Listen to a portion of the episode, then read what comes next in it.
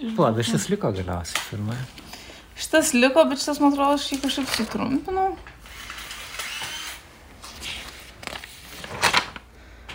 Labas visiems, čia Karolis Višniauskas. Jūs girdite Naro podcastą. Čia jau pažymėta, tai man atrodo, jau ką nufilmavom. Čia jau per filmavimą žymėjau. Aš esu Vilnius centre, saulėtame kambaryje su aukštom lubom ir girždančiam grindim. Čia režisierė ir scenaristė Marija Kaftaradze varto spausdintą savo filmo Slow scenarijų. Vilius jai pasidaro Nepatrauklus. Biški. Biški atstumė. Čia jos tas buvęs bernas. Mm. Lietuviškai filmas pavadintas Tu man nieko neprimeni. Tai yra pasakojimas apie dviejų žmonių meilę, kurių vienas yra aseksualus.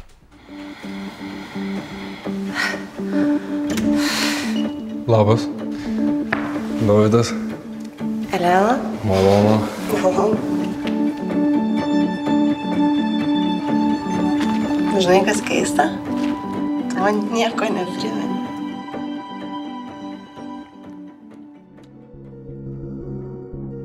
Slow premjera šią žiemą įvyko Jutoje, festivalyje Sundance, svarbiausiame Junktinių valstijų kino festivalyje.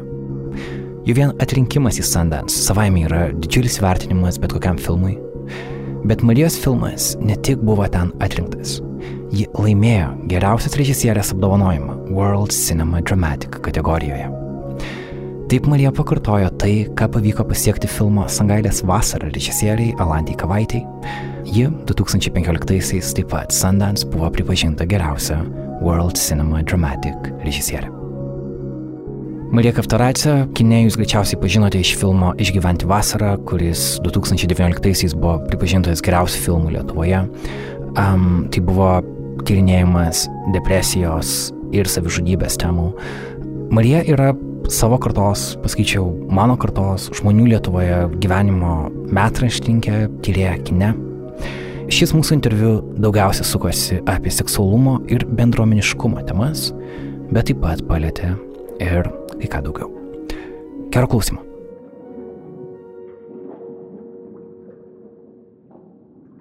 Po išgyventi vasarą aš kaip ir norėjau kažką rašyti, bet uh, visada gal yra man po filmo toks laukimas ir, ir bandymas suprasti, ką aš norėsiu daryti toliau. E, ir aš pradėjau rašyti net ne scenarių, aš galvoju, gerai, aš neturiu idėjos, bet rašyti vis tiek reikia.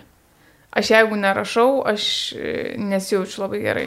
Tai tiesiog pradėjau rašyti tokias paskiras scenas, e, kurios nesisėjo viena su kita, tiesiog vien, per vieną dieną parašau po vieną sceną. Ten jau buvo kažkokių užuomasgų Elenos ir Davido santykių.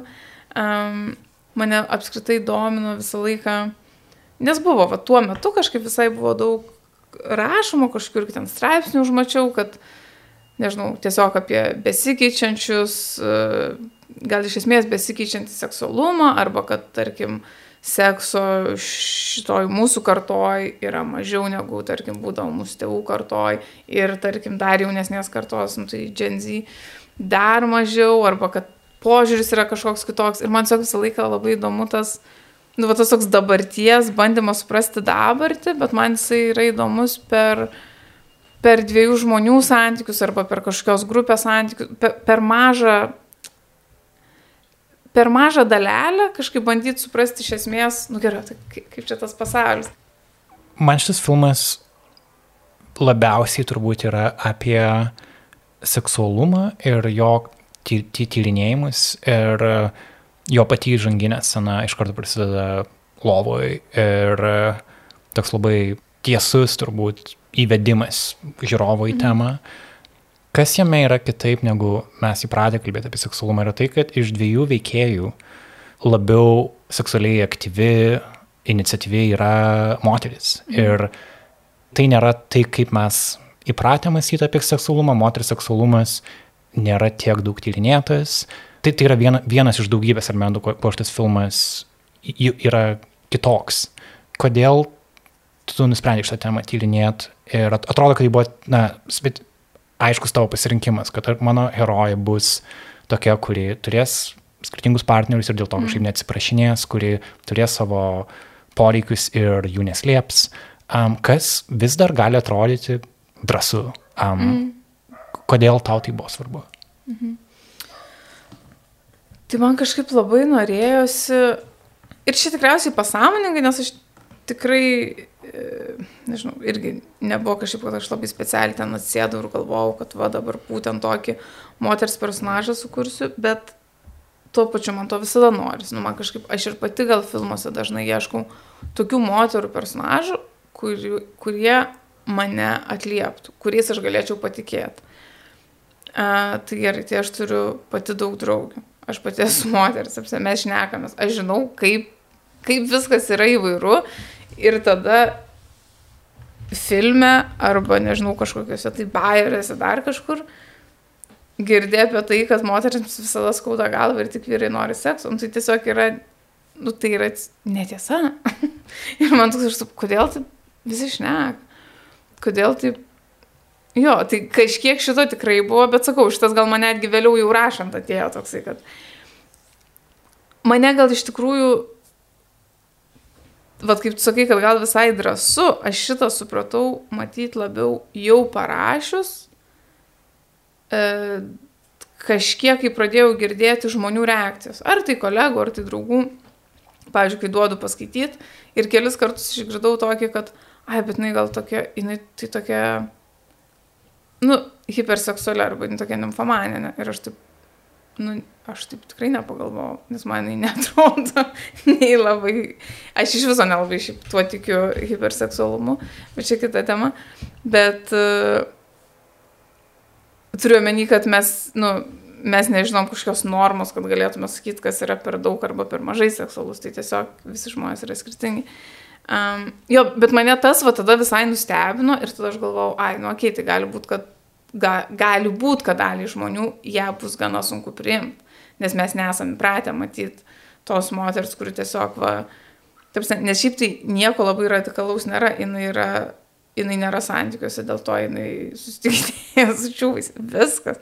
Ir tų scenų, ir, ir to sekso net nėra tiek daug. Man, man dėl to buvo tikrai didelė nuostaba, kad kur, kur tu čia pamatai kažką, kas, kas būtų, nežinau, va, Uber seksu. Mm. Čia kabutės rodau ir prisimenu, kad čia, taip, yra, čia yra garsai įrašas. Taip, taip, taip. esu taip įpratęs kabutės rodau. Patvirtinu, kad tavo, tavo pirštai rodo kabutės. Aha, ir čia turbūt dar yra tas momentas, kad jeigu tai būtų vyras personažas, gal mums taip netrodytų, ar ne?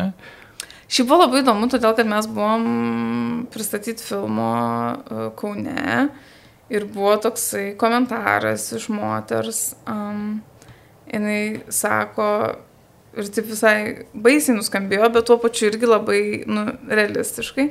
Jinai kažkaip sako, sako, bet aš tai galvoju, kad jeigu čia vis dėlto būtų moteris aseksuali, tai vyras rastų, kaip ją perlaužti.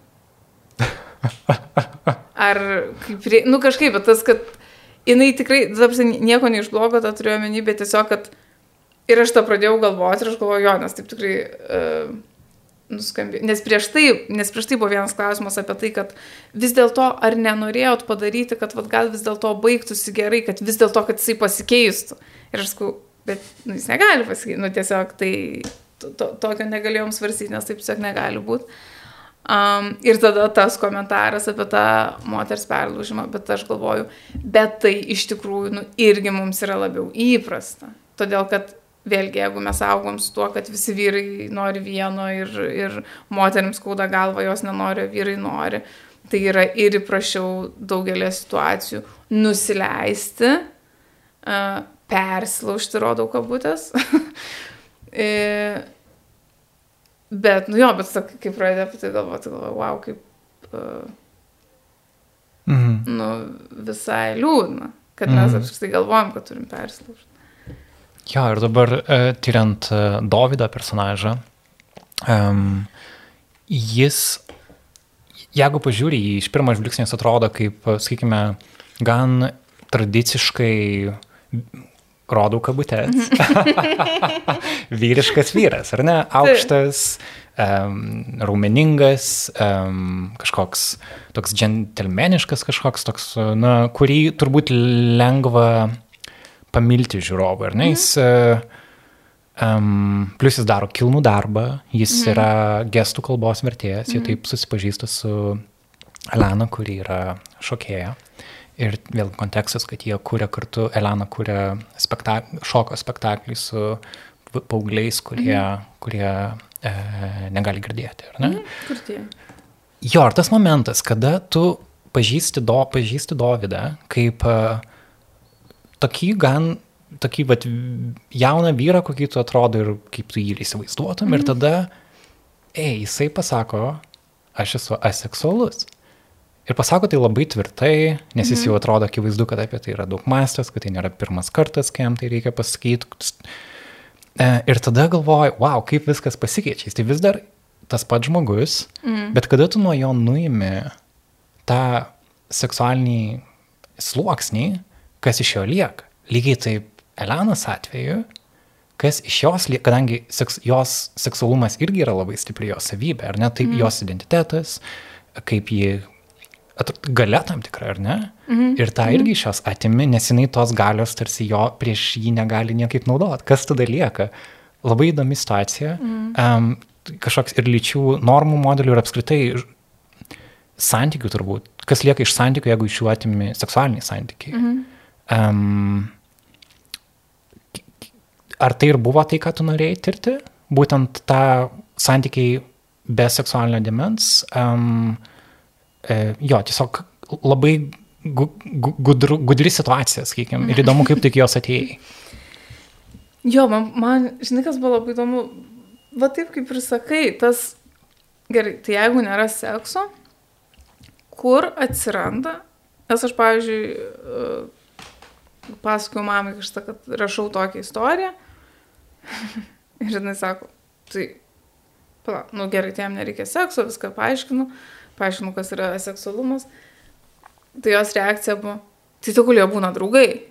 Tai tiesiog gali būti draugai. Aš sakau, bet jie romantiškai įsimylėjo.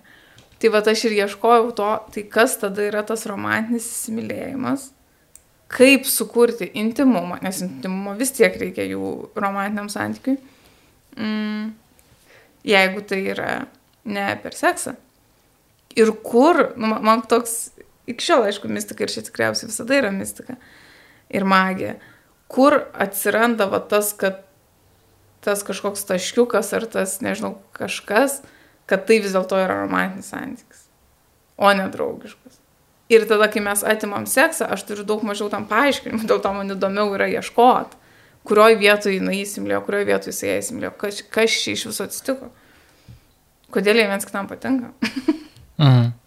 Ir ar tas santykis gali veikti? Ir, ir kiek ilgai jis gali veikti, ar ne? Kai tu perini tą pirmo susižavėjimo, įsimylėjimo fazę, kada tau gerai gal tavo kūniški poreikiai gali palaukti, bet ar tu gali taip ilgai, ar tu gali taip visada būti. Ir ten kelias. Ir ar to reikia?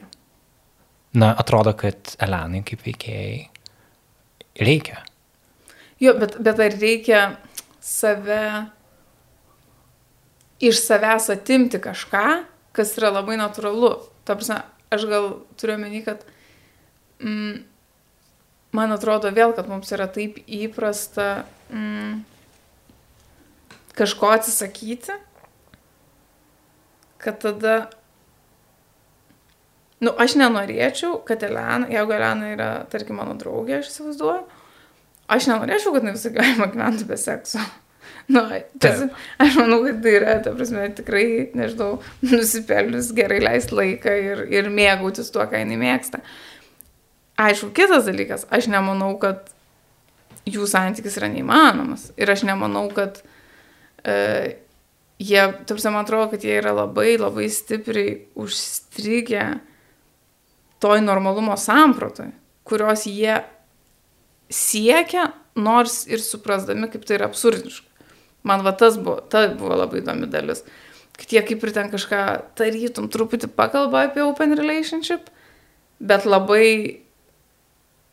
jinai tai prieima jautriai jisai irgi matai, kad gal nėra pilnai tam pasiruošęs. Gal tai ir nėra vienintelis kelias jiems būti kartu, bet yra vienas iš jų, kurį būtų Taip. šiaip galima labai paprastai aptart. Ta. Kitaip tariant, kad jie galėtų turėti seksualinių santykių su kitais vyrais, kurie būtų neromantiški, bet romantiškam santykiai neliktų su Dovydu. Galėtų. Mhm. Puikiai galėtų, aš manau. Aš turiu turbūt esminį klausimą šitam sluoksniai yra, jis yra toks, ar tu pasiemi aseksualumą kaip kažkokį is, istorijos vystimo įrankį, kad, ei, čia vat yra įdomi situacija, kurioje įdomu, kaip veikėjai e, reaguos, ar tu galbūt pažįsti žmonių, kurie yra aseksualus, galbūt, e, nežinau, kaip nori asmeniškai leisti iš tos klausimus, bet, kaip tariant, ar tai ties, tai yra hara, toks e, siužeto, um, kažkoks įrankis siužetą valyti į priekį, ar, ar, ar tai yra kažkas, ką tu specifiškai aš norėjau, kad tu norėjai būtent apie aseksualumą tyrinėti dėl e, kažkokių priežasčių. Manau, tai yra svarbu. Aš manau, kad ir tas, ir tas, nes kai aš pradėjau aseksualumu domėtis, tai skaityti, tyrinėti, tai buvo, man tai dar nebuvo istorijos dalis. Tai nebuvo, kad aš, pavyzdžiui, sugalvoju istoriją ir galvoju, o būtų įdomu, kad jisai būtų aseksualus. Mane pirmiau sudomino tema, man yra įdomu, kad jinai yra jo kol kas tikrai mažai tyrinėta. Uh, tai apskritai aš labai tikiu tą galę reprezentacijos ir, kaip kaip tai yra svarbu. Kaip tu atėjai iki to domėjimuose apskritai? Juk tu nepolti, neini tiesiog į Google, ei, šiandien pasidomėsiu šituo. Ne, bet, nu, žinai, kaip, e, kaip domėjimasis mano bent jau vyksta, skrolini, pamat, pamačiau straipsnį, aseksualumas, okei. Okay. Pradedu skaityti, tada kažkur dar užmatau. Ir taip, kai aš suprantu, kad manęs ta tema ne visai paleidžia, kad aš ar tai dar daugiau noriu paskaityti, arba vėl man kažkokios, nežinau, mintis apie tai sugrįžta, tada aš pradedu galvoti, kad, okei, okay, tai gali būti viena iš temų, ku- kuriuom aš norėčiau mąstyti jau scenarijaus ligmenį. Um, bet yra kitas dalykas, kuris, aišku, man po to atėjo į galvą ir iki šiol yra galvoj, nes tai yra ne nu, nuolatinė tokia kaip ir abejonė arba atsakomybė. Um, tai tokios mintis, ar aš turiu teisę reprezentuoti grupę, kuriai aš nepriklausau. Jo, iš esmės tai yra mano klausimų, Taip. turbūt širdinės. Įsivaizduojam, kad jeigu jo Dovydas būtų uh, homoseksualus, pavyzdžiui, Mhm. ar ne, ir, ir jį naudoti kaip veikėją, um, gali atrodyti, kad yra nejautru, galbūt ne, Mhm. jo nereprezentatyvu. Kita vertus, aseksualumas yra toks apskritai nereprezentuojamas dalykas, ar ne, kad gal net sunku jį būtų ištraukti kažkaip dienos šviesą, tai įdomu, ar tu, kaip tu atskaitai šitą klausimą savo, galbūt radai žmonių, kurie patys yra seksualūs ir kurie to padėjo, kur- kuriant šitą filmą. Taip, aš radau žmonių, kurie, mm, aš radau iš pradžių, man parekomendavo uh, tokį kaip forumą, Eiven, tai yra seksualių žmonių toks uh, tai networkas, tenais yra daug įvairių įvairių temų. Uh, nežinau, kaip būtų reditas ar bet kas, nu, ti- tiesiog žmonės kalbasi, toks uh, bendrauja. Ir tenais aš parašiau uh, nieko neslėpdama, kad tiesiog aš rašau scenarių, man tai yra įdomi tema, galbūt norinčių tiesiog pakonsultuoti, atsakyti mano klausimus. Ir aš užmėskiau kelis uh, tokius pusiau anoniminius susirašinėjimus, e, bendravimus, kur aš tiesiog trumpai papasakojau istoriją, aš uždaviau klausimų, vieną iš viso nerealiai įdomų turėjau uh, susijungimą vaikinas parašė, kuris ir jis pirmiau parašė, kad va, aš norėčiau, ga- galiu klaus, ko nori, viską, viską padėsiu. Šiam trumpai papasakojau apie filmą, jis parašė, tai aš e, galiu patarti ne tik seksualumo klausimais, bet ir kurčiųjų. Sako, kažkaip, ir aš dabar nepamenu, ar jis rašė, kad ar jo mama kurčioja, ar jo mama dirba su kurčiaisiais, tai kad jis ir tenais daug laiko. Tai kažkaip irgi taip, toks buvo įdomus sutapimas, kad uh, apjungia kažkaip uh, tas dvi, du pasaulius, tarkim, filmo ir jis e, žinojo ir vieną, ir kitą. Tai mane tas bendravimas kažkiek nuramino, todėl kad tiesiog visi, visi labai tą akcentuoja, nu ką aš irgi žinojau, bet man gal reikėjo, kad kažkas iš tikrųjų, kas yra seksualus, man tai pasakytų, kad gali būti visaip. Sako, ir tikrai bus, nežinau, kam nepatiks kažkokia dalis arba ten. Kad turiuomenį gali būti visaip. Kad Kad gali būti skirtingi lygiai aseksualumo. Jo, nu, taip sakant, kaip ir seksualumas yra neįtikėtinai platus spektras, tai taip ir aseksualumas. Taip, man atrodo, mes tiesiog taip linkę viską žiauriai aiškiai sudėliot į skyrius, į lentynėlės. Ir kartais tai yra labai svarbu. Pavyzdžiui, aš manau, kad Dovydui yra labai svarbu, kad jisai kažkuriuo momentu savo pasakė, kad yra seksualus. Kestas vienam interviu labai gražiai pasakė, sako, Čia aktorius, kuris vaidino Dovydą. Taip. Uh, Kasas Cicienas. Taip. Ir sako, kažkuriuo momentu, sa- sako, tikrai Dovydas ir bandė, ir, nežinau, žiūrėjo, ir tikrai, nežinau, ieškojo savo atsakymų, kodėl jam yra taip. Sako, bet jis kažkurio, kažkurio metu tiesiog turėjo padėti tašką, nes kitaip galima, nu, pradėti, nežinau, ir savęs nemėgti, save kaltinti ir pradėti labai labai blogai jaustis dėl to. Tai man atrodo, kad kai tu pats savo uh, pasakai, tu randi tą žodį, kuriame tu jautiesi patogiai ir tau tas žodis padeda gyventi, tai yra nuostabu ir tai yra labai didelė, manau, labai didelis žingsnis. Bet kai mes iš šono žiūrim ir viską labai norim, net nebūtinai apie save su, surušiuot, sugrupuot, tai man truputį keista, nesakau, nes tai yra tokia galybė įvairių, kaip gali būti. Tai sakau, tai va ir tie seksualų žmonės, tai irgi mm, visas, visas spektras. Jeigu yra vienam krašte gali būti žmogus, kuris yra aromantiškas, jam nei romantikos nereikia, nei sekso ir tas seksas dar yra visiškai atgrasus. Gali būti žmogus, kuris visiškai turi santykius su heteroseksualiu žmogum arba, e, ne, ne, nesąmonė, ne heteroseksualiu, tiesiog e, seksualiu, o ne seksualiu. E, ir kurie užsiminėja, gal tiesiog netaip dažnai, gal jam nėra poreikio, bet jisai gali, pavyzdžiui, užsiminėti seksu ir jie tą, nežinau, daro reguliariai. Ir, ir vienas ir kitas žmogus yra seksualus, tiesiog jie yra skirtingose spektro, žinai, pusėse. Mhm. Mm. Tai jo, tai, tai vad mane tas, kad mane kažkaip truputį nuramino, kad e, tikrai personažas gali būti ir toks, ir toks, ir yra labai įvairių nu, va, variacijų ir, ir kaip kiekvienas, e, kaip kiekvieno gyvenime tai pasireiškia, mane tas, mane tas nuramino ir aš tada tiesiog pradėjau labiau koncentruotis į Dovydą kaip į personažą, tiesiog koks jis yra žmogus.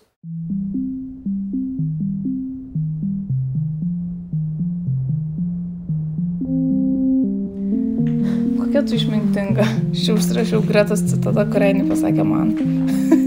Kokia tu išmintinga, Greta Knevičiūtė, 2022. Čia va, jo. Yra, po, po to yra, tapsi čia yra daug senų, kurių nebeliko. Žiema, pavyzdžiui. O, Ir mes turim žiemą filmavę. a jo, žiemos filmė visai nebuvo. Jūs klausotės Naro podcast'o. Mūsų podcast'ą dalinai išlaiko patys jūs, tai yra mūsų klausytojai Contribui platformoje. Labai kviečiu padaryti tai adresu contribui.com/nara. Ačiū mūsų naujausiams Contribui nariams, tai yra Dianai, Algirdui Pukiui ir Tundrai Taigai. Slow arba Tu man nieko neprimeni premjera Jutos Park City mieste Sundance festivalyje įvyko šį sausį. Mūsų podkasto bičiulė, filmų plaukikė, namo ir paskutinis skambutis režisierė Gabrielė Urbonaitė buvo ten, tarp žiūrovų. Ir aš paprašiau jos, kad ji pasidalintų balso žinutę ir prisimintų tą vakarą, kaip viskas atrodė ir kaip viskas jautėsi. Su Gabrielės leidimu dalinuosi šią žinutę su jumis. Ja taip pat interviu metu girdėjo ir Marija.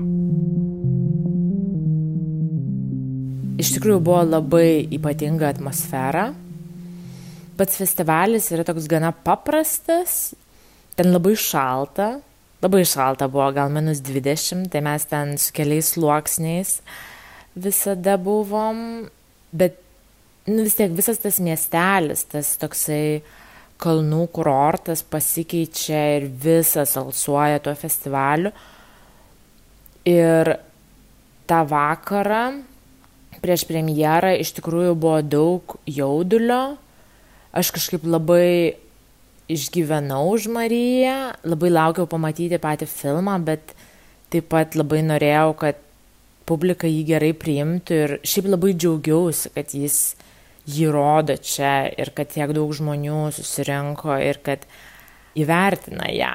Tai kadangi mes draugės nuo 14-15 metų ir aš, nu realiai nuo to laiko ją žaviuosi ir visada kažkaip sergu už jos kūrybą, tai buvo tikrai labai toks išskirtinis jausmas pamatyti jos naują filmą tokio lygio festivalyje ir suprasti, kiek daug ji nuėjo ir, nu, ji man tikrai visada buvo įkvėpimas, tai buvo kažkaip labai gera ten būti ir džiaugtis ir aišku jaudintis ir patirti filmą. Ir man atrodo, filmas labai emocionalus, jautėsi, kad salė, jie visi buvo labai įsitraukę ir po to uždavė labai įdomių klausimų. Buvo gana juokingas QA,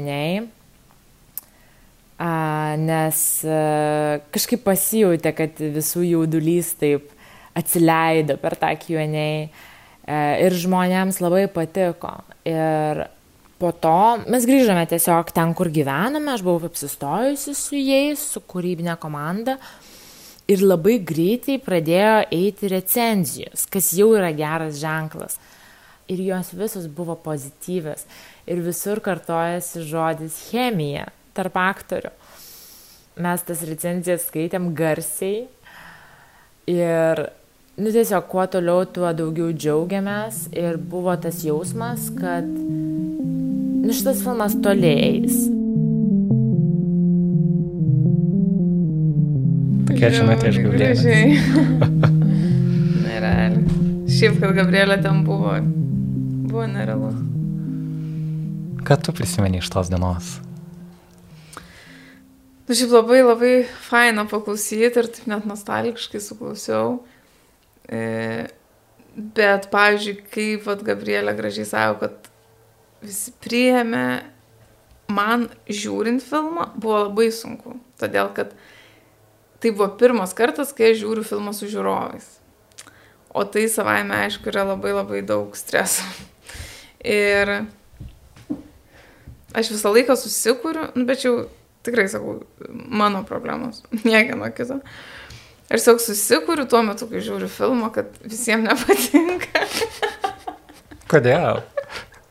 Todėl, kad kas nors tiesiog, nežinau, viena vieta yra kur nors, kur nenusijogia, tai man. Šiaip filme gal pradžioj yra, tarkim, daugiau uh, lengvumo ir daugiau linksmų vietų ir žmonės juokias. Antroji daly, natūralu, prasideda truputį didesnės problemos. Ten net nėra kur juoktis. Bet at, kai aš girdžiu tylą, man atrodo, tai jau nusibodo visiems. jau tikriausiai visi nori, kad baigtųsi. nu, nesąmonė, tiesiog super, ką kiti galvoja. E, siaubas kažkoks. Bet po to, bet po to tikrai jautėsi, nu, jau, jau kai jie slūgo truputėlį ta, tas stresas, tai jau buvo, buvo ramiau. Aš pamenu, kai išgirdau naujienas, kad e, visų pirma, kad Slau yra atrinktas į Sundance, jau tai yra didžiulis pasiekimas ir po to tavo kaip režisierės laimėjimas atrodo tiesiog, net tikrai kažkoks, žinai, yra, yra tokie kartais dalykai, kada tu tiesiog džiaugiesi mhm. už ir už žmogų, bet atrodo, tokia yra vos ne kažkokia nacionalinė šventė. Mhm. Čia panašiai kaip, nežinau, e, Saulė ir jūra laimi Venecijoje ir Rūta Vylutytė laimi. laimi Laurinas, kai laimėjo Venecijoje. Laurinas Vareiša, taip. E, Piligrimais mes irgi visi šventėm, prisimenu, vakarę. Ir aš tą matau kaip labai įkvepiantį pavyzdį, tarkim, įsivaizduok, tu pati juk dirbi su e, jaunais kino kiną norinčiais kurti žmonėm Youngblood mokykloje, ar ne? Taip. Um, jeigu aš būčiau 20 metais režisierius ir žinočiau, kad Marijos filmas laimėjo Sundance, iš karto atrodė, kad tokia ir mano filmas gali. Mhm. Ir čia reikia, kad klausytojai žinotų kontekstą, tu pati nesigyvenus Junktinėse valstijose, tavo kūrybinė veikla iš esmės yra Vilniui. Tu čia užaugai, tu baigiai LMT režisūrą, ar ne? Mhm, taip. Um, ar kaž, kaž, kažkoks yra svarbus dar geografinis i- ištrūkimas iš Vilniaus tavo karjeroje? Ne, aš kažkur e, ilgai nesu gyvenus kitur. Jo. Tai va, ir tai, kad tai, ką tu kuri čia, iš esmės rašai savo šitam, šitam kambarį, kuriame mes sėdim, kad tai pasiekia žmonės Jutos valstijoje, ar ne? Mm. Ir kad, kad yra, na, kad lietuviška kino mokykla dabar ten, jinai, jinai kažkaip ir, ir tampa integruota į tokius pasaulinius kino tinklus. Mm. Um, ir man, man tas atrodo labai, lab- labai tiesiog dži- džiugus, dži- džiugus pasiekimas, nes mm. tie filmai jie tikrai yra puikūs ir labai, nežinau, kažkokiu autentišku balsu, bet čia kino industrija labai veikia ir pažintys, apskritai kažkokie ryšiai ir panašiai. Tai atrodo, kad kažkuriuo metu kažkaip pavyko tai pralaužti. Ar tu, žinau, kad tu nesi producerė, bet kaip tu manai, kodėl, kaip apskritai atsitiko, kad, kad tas pastebėjimas įvyko? Aš kai žiūriu šiaip taip atgal į, į gyvenimą, kadangi prieš 30, tai žinai, per, permastų visą gyvenimą. Ką, ką ten pamatėjai? Ne, aš galvojau labai įdomu, kad e, nuo labai anksti aš, aš pradėjau studijuoti, aš prie, prieš studijuodama aš lankiau Skalvės kino akademiją, tai mano tas kelias buvo toks labai, nu, tikrai pakankamai tiesus ir nuobodokas, sakyčiau, bi biografijos prasme. Um, bet aš galvoju, aš labai anksti pradėjau jausti tokį didelį palaikymą iš dėstytojų, iš kolegų, iš kursiokų. Um, labai mes šiaip buvom, nežinau, aš tai sakau ir e, mes tikrai labai labai mums pasisekė. Um, manau visam kursui, nes mes buvom kažkokie labai ambicingi, į vieną krūvą sukritom, bet tokie nekonkurencingi, kur vieni kitiem padedam, stumiam, pasakom, nesiparink, daryk, nueinam vieni pas kitus dirbam, ten ką reikia, tą darom. Nu, ne, nežinau, niekada nebuvo to, kad aš režisierius, aš tau ne, ne, nedirbsiu čia dabar asistentu, ne. Mm, tai kažkaip, aš nežinau, iš... Aš šiaip labai, nu, tikiu, kad niekas neatsiranda ten tuščioj vietoj. Tai čia irgi aš manau, kad čia yra tiesiog ir prieš tai žmonės jau kūrė ir mokėsi ir dėstė ir tiesiog taip aš kažkokioj, nežinau, sėkmingų metų tenais atsidūriau, buvau tarp labai gerų žmonių, plus tikrai jaučiau tą palaikymą ir tokį pasitikėjimo avansą Mhm. iš daug žmonių ir iš, koma, iš žmonių, su kuriais aš iki dabar dirbu. Pavyzdžiui, ten dailininkė Sigita Šimkūnaitė, jinai buvo jau profesionali kino dailininkė, aš buvau trečia kursė režisierė, pati, pati savim nepasitikėjau, jinai kažkodėl sutiko su manim dirbti, pavyzdžiui. Ir visą laiką sakydavo, kad nu, visą laiką labai palaikė ir džiaugiasi dirbdama ir aš galvoju, bet kodėl šita suaugusi, žiauriai kieta, profesionali moteris nori dirbti. E, tai vad kažkaip tie žmonės, kurie tiesiog jo tikėjo, arba Andrius Blaševičius, kuris po to ir pakvietė kartu rašyti scenarius, bet irgi jis tada jau buvo ten bai- baigęs studijas, ar jis baiginėjo, kai aš įstojau mokytis. Ir irgi visą laiką sakydavo, ten, tu žiauriai gerai padarysi. Čia, nu, nežinau, tiesiog toks palaikymas, kuris e, tuo metu gal net nebūtinai ten tuo tiki, nes atrodo, ką jūs čia žinot, ką jūs čia sakot, arba kodėl jūs taip sakot. Bet per laiką aš galvoju, kad, nu jo, e, jie kaip ir buvo teisūs manim pasitikėdami, bet tuo pačiu aš galėjau savim pasitikėti, nes aš tą jaučiau. Hmm. Man taip gera tai girdėti ir tas realiai jaučiasi būnant, pavyzdžiui, filmo premjerui, mhm. e, kada jūs visi išėjote į, kada tu tiesiog visus pakvietė į sceną, mhm. Tada kiekvieną asmeniškai apkabinai ir žmonės plojo, plojo, kol kiekvieną kolegą apkabinsi. Ir tai buvo labai gražu, aš negaliu plot, kiek reikėjo plot, nes jautėsi, kad tiesiog jūs tikrai sergat vieni už kitus, kad taip, tai yra tavo, tavo vardas yra ant plakato, bet tai yra komandinis kūrinys. Ir vėlgi ta pati Sundance pergalė atrodo kaip visos vat, jūsų kažkokia kino bendruomenės pergalė, ar ne? Ir tas yra taip neįprasta, kai mes kalbam apie ten rodų kabutės, mhm. lietuvišką charakterį, kad mes mhm. neva nepalaikom vieni kitų, kažkaip konkuruojam. Atrodo, kad tarp jūsų kino šitos kartos žmonių um, nu, to nėra, kad jūs palaikot vieni kitus ir pasiekit gerų rezultatų. Kaip, kaip manai, kas tai, kas tai lėmė? Mm. Aš manau, kad yra visaip. Aš tikrai. Nes aš manau, kad mes palaikom ir, ir, ir aš tuo labai džiaugiuosi, nes aš tą sakau labai labai palaikymą jaučiu, bet aš tuo pačiu manau, kad gali būti ir tai yra visiškai normalu, kad ne visi gali visus palaikyti visada. Tai reiškia, kad jeigu, nežinau, pats tuo metu kažkur tai ar jautiesi kūrybiškai įstrigęs, arba gal esi padaręs filmą ir nesi pakankamai patenkintas kažkokiais rezultatais, labai natūralu, kad tau gali būti sunkiau palaikyti kitą žmogų. Mhm. E, mes e, tikrai daug kas vienaip ar kitaip esam susiję ir, ir dirbam kartu. Tai va tas pats Laurinas Bareiša filmo operatorius. Vytautas Katkus e, kameros operatorius irgi dirbam kartu. Tai labai, ta prasme, kaip, nežinau, jiem kažkas pasiseka, aš džiugiuosi tiesiog kaip už save. Ja. ir jie, kai pasiseka kaip už mane, ir visi taip draugai, bet mes vas, vieni pas kitus irgi, ar ten kartu, nežinau, vienai par kitaip dirbam, ar, ar tariamės, arba palaikom tiesiog vienas kitą. Arba kai reikia, nežinau, kažkas nesiseka, paskambinam, pasigodžiam. Na, dabar sakė, kad tai yra labai aiškiai jo. Aš žinau, kiek man, ta prasme, be tų žmonių, aš net nežinau iš viso, ar aš daryčiau ir ką, kokia aš būčiau arba ką aš kurčiau. Tai aišku, tai yra labai svarbu, bet, bet tiesiog va tą noriu pabrėžti, kad net jeigu kažkam yra sunkiau palaikyti arba tuo metu įsijungia daugiau konkurencijos, tai irgi yra normalu, nes tiesiog man, pavyzdžiui, aš esu labai laiminga, nes man tikrai sekėsi mhm. pakankamai.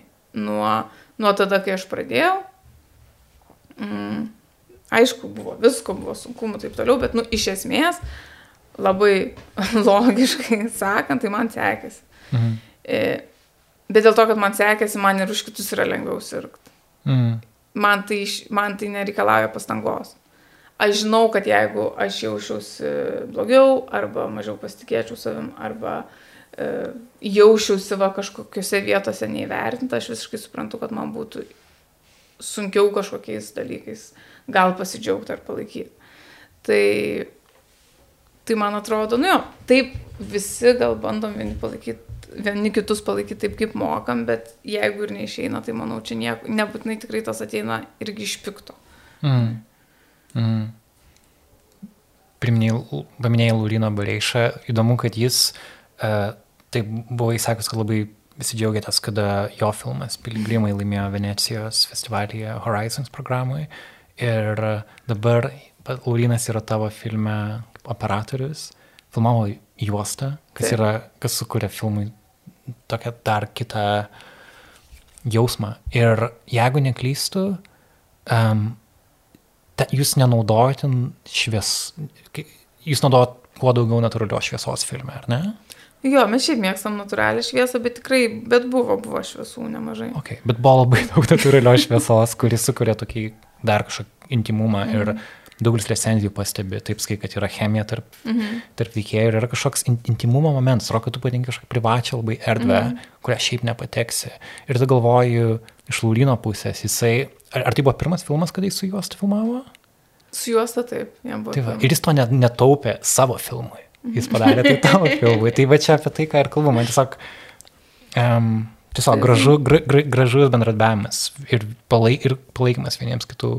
Bet, vat, pavyzdžiui, man ir buvo, nes aikšteliai, pavyzdžiui, mes turėjom bairį, kad filmavimo aikštelį, aš apsidairau ir yra kokie devyni režisieriai, devyni operatoriai. Nu, prasme, kad jie dirba kitose uh, pozicijose, netgi per mūsų filmavimus buvo kaip tik iškritusios gervės, tai tarkim, Jornė Greičiūtė dirbo skriptų, o kaip tik laimėjo ten gervės kiaušinių už studentišką filmą, ten Laurinas vadirbo operatorium, atsėmė ten irgi belenkė gervių už piligrimus.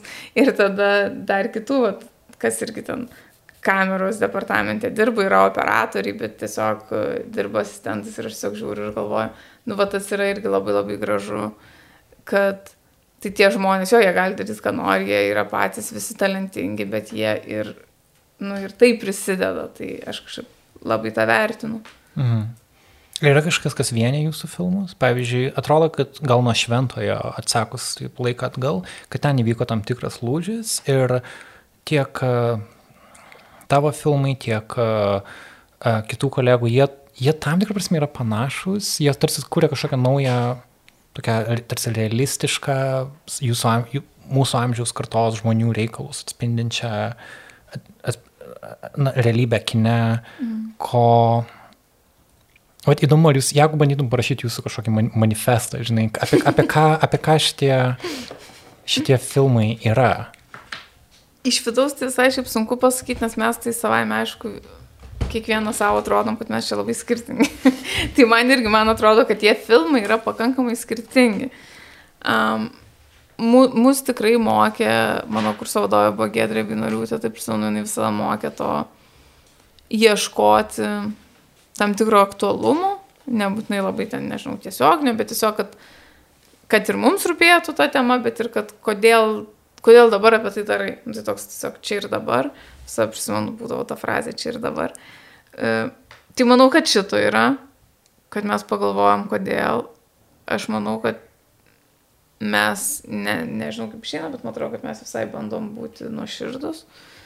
Mm, tai vėlgi, filmai gali būti kokie tik tai nori ir jie gali būti ir labai skirtingi. Mm, bet kažkaip gal nuoširdus prieš save, mm. kad daryti tai, ką tikrai nori daryti. Mm, o kaip tau atrodo, Karali? Um, man atrodo, kad uh, man atrodo, kad kiekvienas jūsų filmas bando truputį pralaužti lietuviškos visuomenės uh, tabu kažkokius. Mm. Um, kitaip tariant, kad atrodo, jo, pradėti kažkokį naują pokalbį. Tarkim, tavo atveju išgyventi vasarą buvo gan atvirai kalbėjo apie depresiją, apie mm. ma manijos priepolius, apie E, apie savižudybę taip pat, ar ne? Kas, nesakau, kad niekada apie tai anksčiau niekas nedarė, bet, um, bet, bet tai nėra pat patogios temos. Ir jo, gal tas, tai nėra patogus filmai. Mhm. Um, ir pavyzdžiui, Slow, ar ne, jisai, jis yra apie mano akimis apie seksualumą, jis taip pat labai yra apie judesį. Mhm. Um, aš nepamenu, ar matęs tokį lietuvišką filmą, kuriame tiek daug būtų šokio, mhm. kuriame, um, kuris tarsi ir melancholiškai, žinai, pavyzdžiui, gali paimti kokį nors Barbės filmą, jame irgi mhm. daug šokio, vis beveik muziklas vietomis, mhm. bet tavo filme šokis yra kitoks, jis toks, jis, jis kartais jame net nėra, yra viena scena, kur jie, jie repetuoja be muzikos. Mhm. Ir tas, kad yra labai daug kūniškumo, um, kas irgi nėra galbūt tiek daug įprasta lietuviška kultūra, gal, gal, gal mhm. aš klystu. Tiesiog atrodo, kad su kiekvienu jūs bando kažkokią naują, vis naują, truputį praplėst, kas mes kaip visuomenė esame. Mhm. Ir atrakinti kažkokią temą, man taip atrodo. Nežinau, ar tas, ar tas kažkaip rezonuoja. Gal taip ir yra. Man tai Čia irgi gal. E, man jau kai būna, kai aš suprantu, kad aš rašy, rašysiu scenarijų, mm, man tai būna, tai tikriausiai nėra kaip vienas iš ten pirminių, nors išgyventi vasarą buvo man vien, viena iš motivacijų, kad truputį pakalbėti apie tą stigmą, kad jinai, nežinau, erzina arba kad buvo tokio kažkokio noro čia va kažką. E, su slow man buvo, kad, e, nu, va, kaip kalbėjom prieš tai, kad tiesiog buvo labai va, įdomu ten tyrinėti tuos dalykus, tos istorijos, tų santykių viduje. Mm, ir tik vėliau aš tą gal ir supratau, kad jo, čia yra visai gal naujų dalykų, arba dalykų, kuriuos gali būti sunkiau priimti. Ir man tas patiko, tai gal nebuvo, sakau, pagrindinė motivacija, bet man tas patiko. Tai jeigu tau taip atrodo apie filmus, tai tada šiaip labai fain. Mm. nu, man, man tai fainai girdėti. Mm. Ir gera matyti, kad tai rezonuoja už Lietuvos ribų, kad... Mm. Mm. Jo, nes mums kartais atrodo, aš, pavyzdžiui, prisimenu, va, Torontas išgyventi vasarą ir aš, aš, mes skrendam ir aš galvoju, bet taigi, ka, ar Kanada kažką supras, nes aš visą laiką galvojau, kad Kanada, tikrai iki, iki nuskrendant aš galvojau, kad tai yra šalis, kuri neturi jokių problemų. tai yra tiesiog, nu, realiai kaip pasaulyje toks plius minus tobulas kažkoksai tai ir tu jiems atveži filmą. Apie, ir aš jiems atvežu filmą ir aš galvoju, ką jie čia dabar galvos. Ir jie pradeda komentuoti, kad e, jo, pas mus yra labai daug problemų su psichikos sveikatos sistema ir aš tokia žiūriu, jos taip nustebus. Tai man prisimenu, nu, ir su šitu vat filmu, pavyzdžiui, kur irgi ir užsienį sako, čia yra taip nauja ir netaip ir dažna matyti tokį seksualumą arba taip vaizduojamas e, ten intimės senas taip toliau. Ir aš galvoju, ai, tai ir jiems nauja. Tai man atrodo, kad mes visai dažnai Lietuvoje galvojam, kad, mm, nu jo, mes čia nieko nenustebinsim, čia vat Lietuvoje tai taip. Bet iš tikrųjų daug, nu tai ką mes sugalvojam, tai daug kur gali surezonuoti, nes ir nesam jau mes čia tokie kažkokie labai kitokie, nu vis tiek mes esam, žinai, nu, kiek įmanoma susijungę su pasauliu, tai mes irgi žinom, kas vyksta, kas, kas įdomu, e, kokie trendai, žinai. Ja. Vis, tai vis tiek tas... E, keliaujant man tiesiog pasijaučia, kaip stipriai mes esam to pasaulio dalis ir kaip Taip. mes kalbame tiesiog visiškai, žinai, on the same page. Marija, aš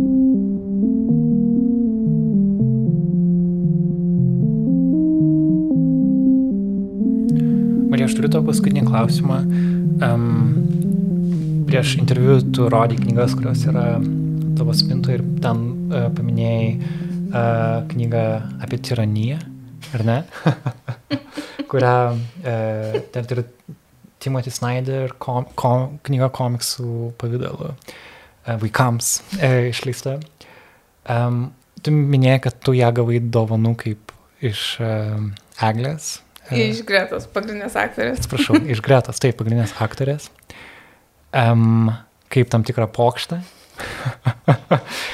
um, nes uh, kadangi tu esi režisierė, gali atrodyti, kad tironija yra būdas padaryti filmą.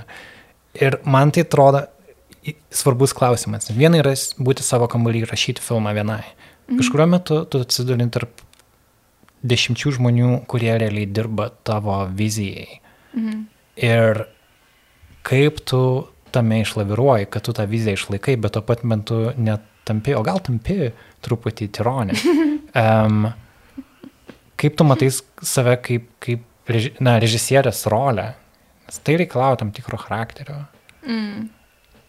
Tai reikalauja tam tikro, mm, sakyčiau, neadekvatumo ir susireikšminimo.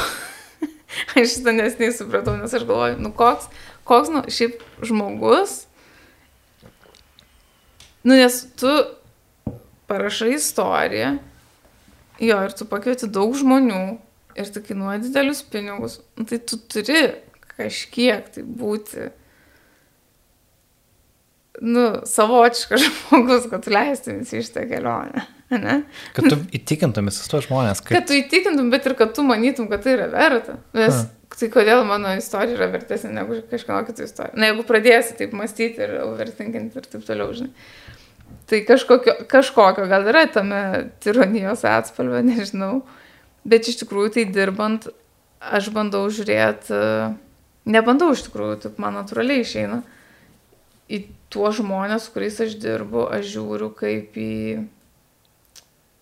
Nu, mes bendra kuriejai esam. Nes jeigu aš kalbu su dailininkė, kostiumų dailininkė, operatorium, kompozitorė, choreografė, tai jie visi savo srity, tai jie žino daugiau ir jie geriau žino. Man tiesiog reikia papasakot, kaip aš įsivaizduoju. Plus dalis jų jau mane pažįsta. Tai jiems yra lengviau įsivaizduoti, kas man patinka. Taip, kostiumų dailininkė Fausta, tai visą laiką tiesiog atneša ką nors, kur Marija, žiūrėk, čia tau. Ir man iš karto taip. Nu, nes tiesiog mes jau esam dirbusios kartu, mes, e, jinai žino mano skonį. E, tai man yra tiesiog svarbu per, nu, perteikti tą savo viziją. O tą savo viziją aš jau dalinai perteikiu scenarių, po to aš perteikiu ten, nežinau, rinkdama pavyzdžius, turiu, tarkim, kažkokius vizualinius e, knygą, e, tada tiesiog kalbėdama, pasakodama, rodydama arba va, pasikviesdama, pavyzdžiui, e, į repeticijas, nes irgi kai, kai pamato vat, komanda aktorius, tai irgi jiems jau labiau aišku, kas čia per filmus, vat, kokiam jie, kokiam jie tar, tarsi to nevaidina. Tai man atrodo, jo, aš jokiais būdais, man atrodo, kas yra didžiausia gal uh, dalykas, kurio aš labiausiai vengiu, uh, tai yra tas vadinamasis mikromanaginimas. Mm, ir šitas, man atrodo, kad gali tada lengvai nueiti tą, nu, net ironiją, bet į tokią pusę, kur nei man naudinga, nei žmonėm, kurie dirba naudinga. Nes aš negaliu papasakoti geriau grimo dailininkai, kaip jai padaryti savo darbą. Aš tiesiog negaliu, nes aš nesu profesionalė toje srityje. Jie visi yra profesionalai. Tai man tiesiog reikia dirbti kartu. Ir tada visi, kai jie jaučia, kad aš pasitikiu, tai visi irgi daug labiau siūlo ir atneša savo. Bet aš taip galiu pasitikėti, nes aš jaučiu, kad manim pasitikė. Tai čia toks buvo labai labai abipusis, kad mes kažkaip nu, vis tiek, žinai, jie žino, kad aš noriu gero, aš žinau, kad jie nori gero. Tai tada tas darbas, nu, jis yra toks labai, nu, iš tikrųjų labai paprastas. Mm. Jo, tai atrodo skamba, kad išvada, kad mm, tai, ką tu, tai kokį filmą tu kuri savo galvoje, net jeigu tu esi ir scenarius autoriai, ir režisierė, kas atrodo labai daug galios tavo rankose, tai vis tiek nėra nėra vien tavo kūrinys, nes visi žmonės, kurie kažkiek prie prisideda, jie jį truputį pasisavina, truputį pakeičia. Taip. Ir turbūt norint būti gera režisierė, tu turi tą jų indėlį mėgti, turi leisti jam įvykti, o nestabdyti jį. Taip. Gal kartais stabdyti, jau tik reikia. Taip, stabdyti reikia tapsai iš tos pusės, kad aišku, yra momentų, tai yra labai natūralu, kad yra momentų, kai tiesiog kažkas kažką pasiūlo ir tu sakai, ne. Gal, gal ne, ačiū, gal šitoje vietoje nelabai tinka, bet niekas niekada neįsižydžia, nes jie žino, kad jeigu tiktų, tai aš tikrai skaičiau taip. Mhm. Tamsa, kad mes tiesiog žinom, kad ir aš žinau, kad man siūlo ne iš to, kad nori pasakyti, kad aš kažko nežinau, o jie žino geriau. Ir jie žino, kad aš ne dėl to nesutinku, tarkim, nes noriu kad... kažkokį tai parodyti čia savo dabar galią, o tiesiog dėl to, kad netinka dabar. Ir ta, ai, mm. nu, okei, okay, bet nebijos kitą kartą pasiūlyti, nes mm. kitą kartą gal sakysiu, jo, žiauriai fainai daro. Mm. Mm. Jo, kad skurtum tokią atmosferą irgi turbūt reikia kurti santykius su žmonėmis ir mm. atrodo tiesiog dar kartą grįžtu prie to vaizdo, matant jūs visus scenoje mm. ir tiesiog jaučiant tą tokį kolektyvinį džiaugsmą. Um, tu kaip žiūrovas irgi tą jauti ir aš labai tikiuosi, kad jis persiduos ir žmonėms, kurie tiesiog eis filmą pamatyti šitom savaitėm. Um, tikrai sveikinu dar kartą Mariją, tave ir visą komandą. Um, tiesiog puikus laikas lietuviškam kinui, puik, puikus metai jau, jau, jau kelinti, nebežinau, tiesiog ger, gera aukti kartu su tuo. Ačiū tau labai už tavo visus darbus ir nekantrauju sužinoti, kas, ką, ką rašys toliau. Ačiū tau labai, labai smagu buvo.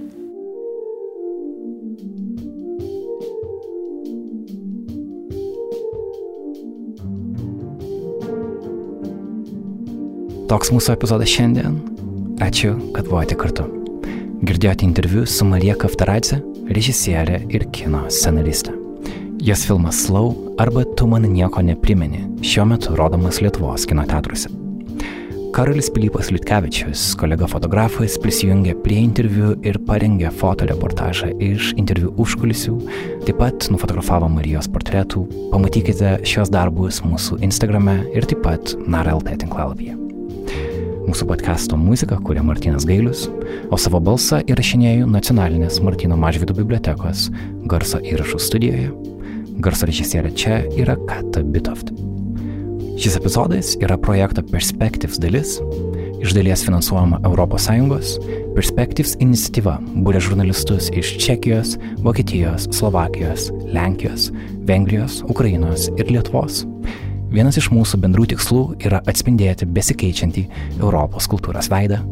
Lietuviškas kinas ir specifiškai Marijos Kartaradzės darbai yra svarbi šio pokyčio dalis.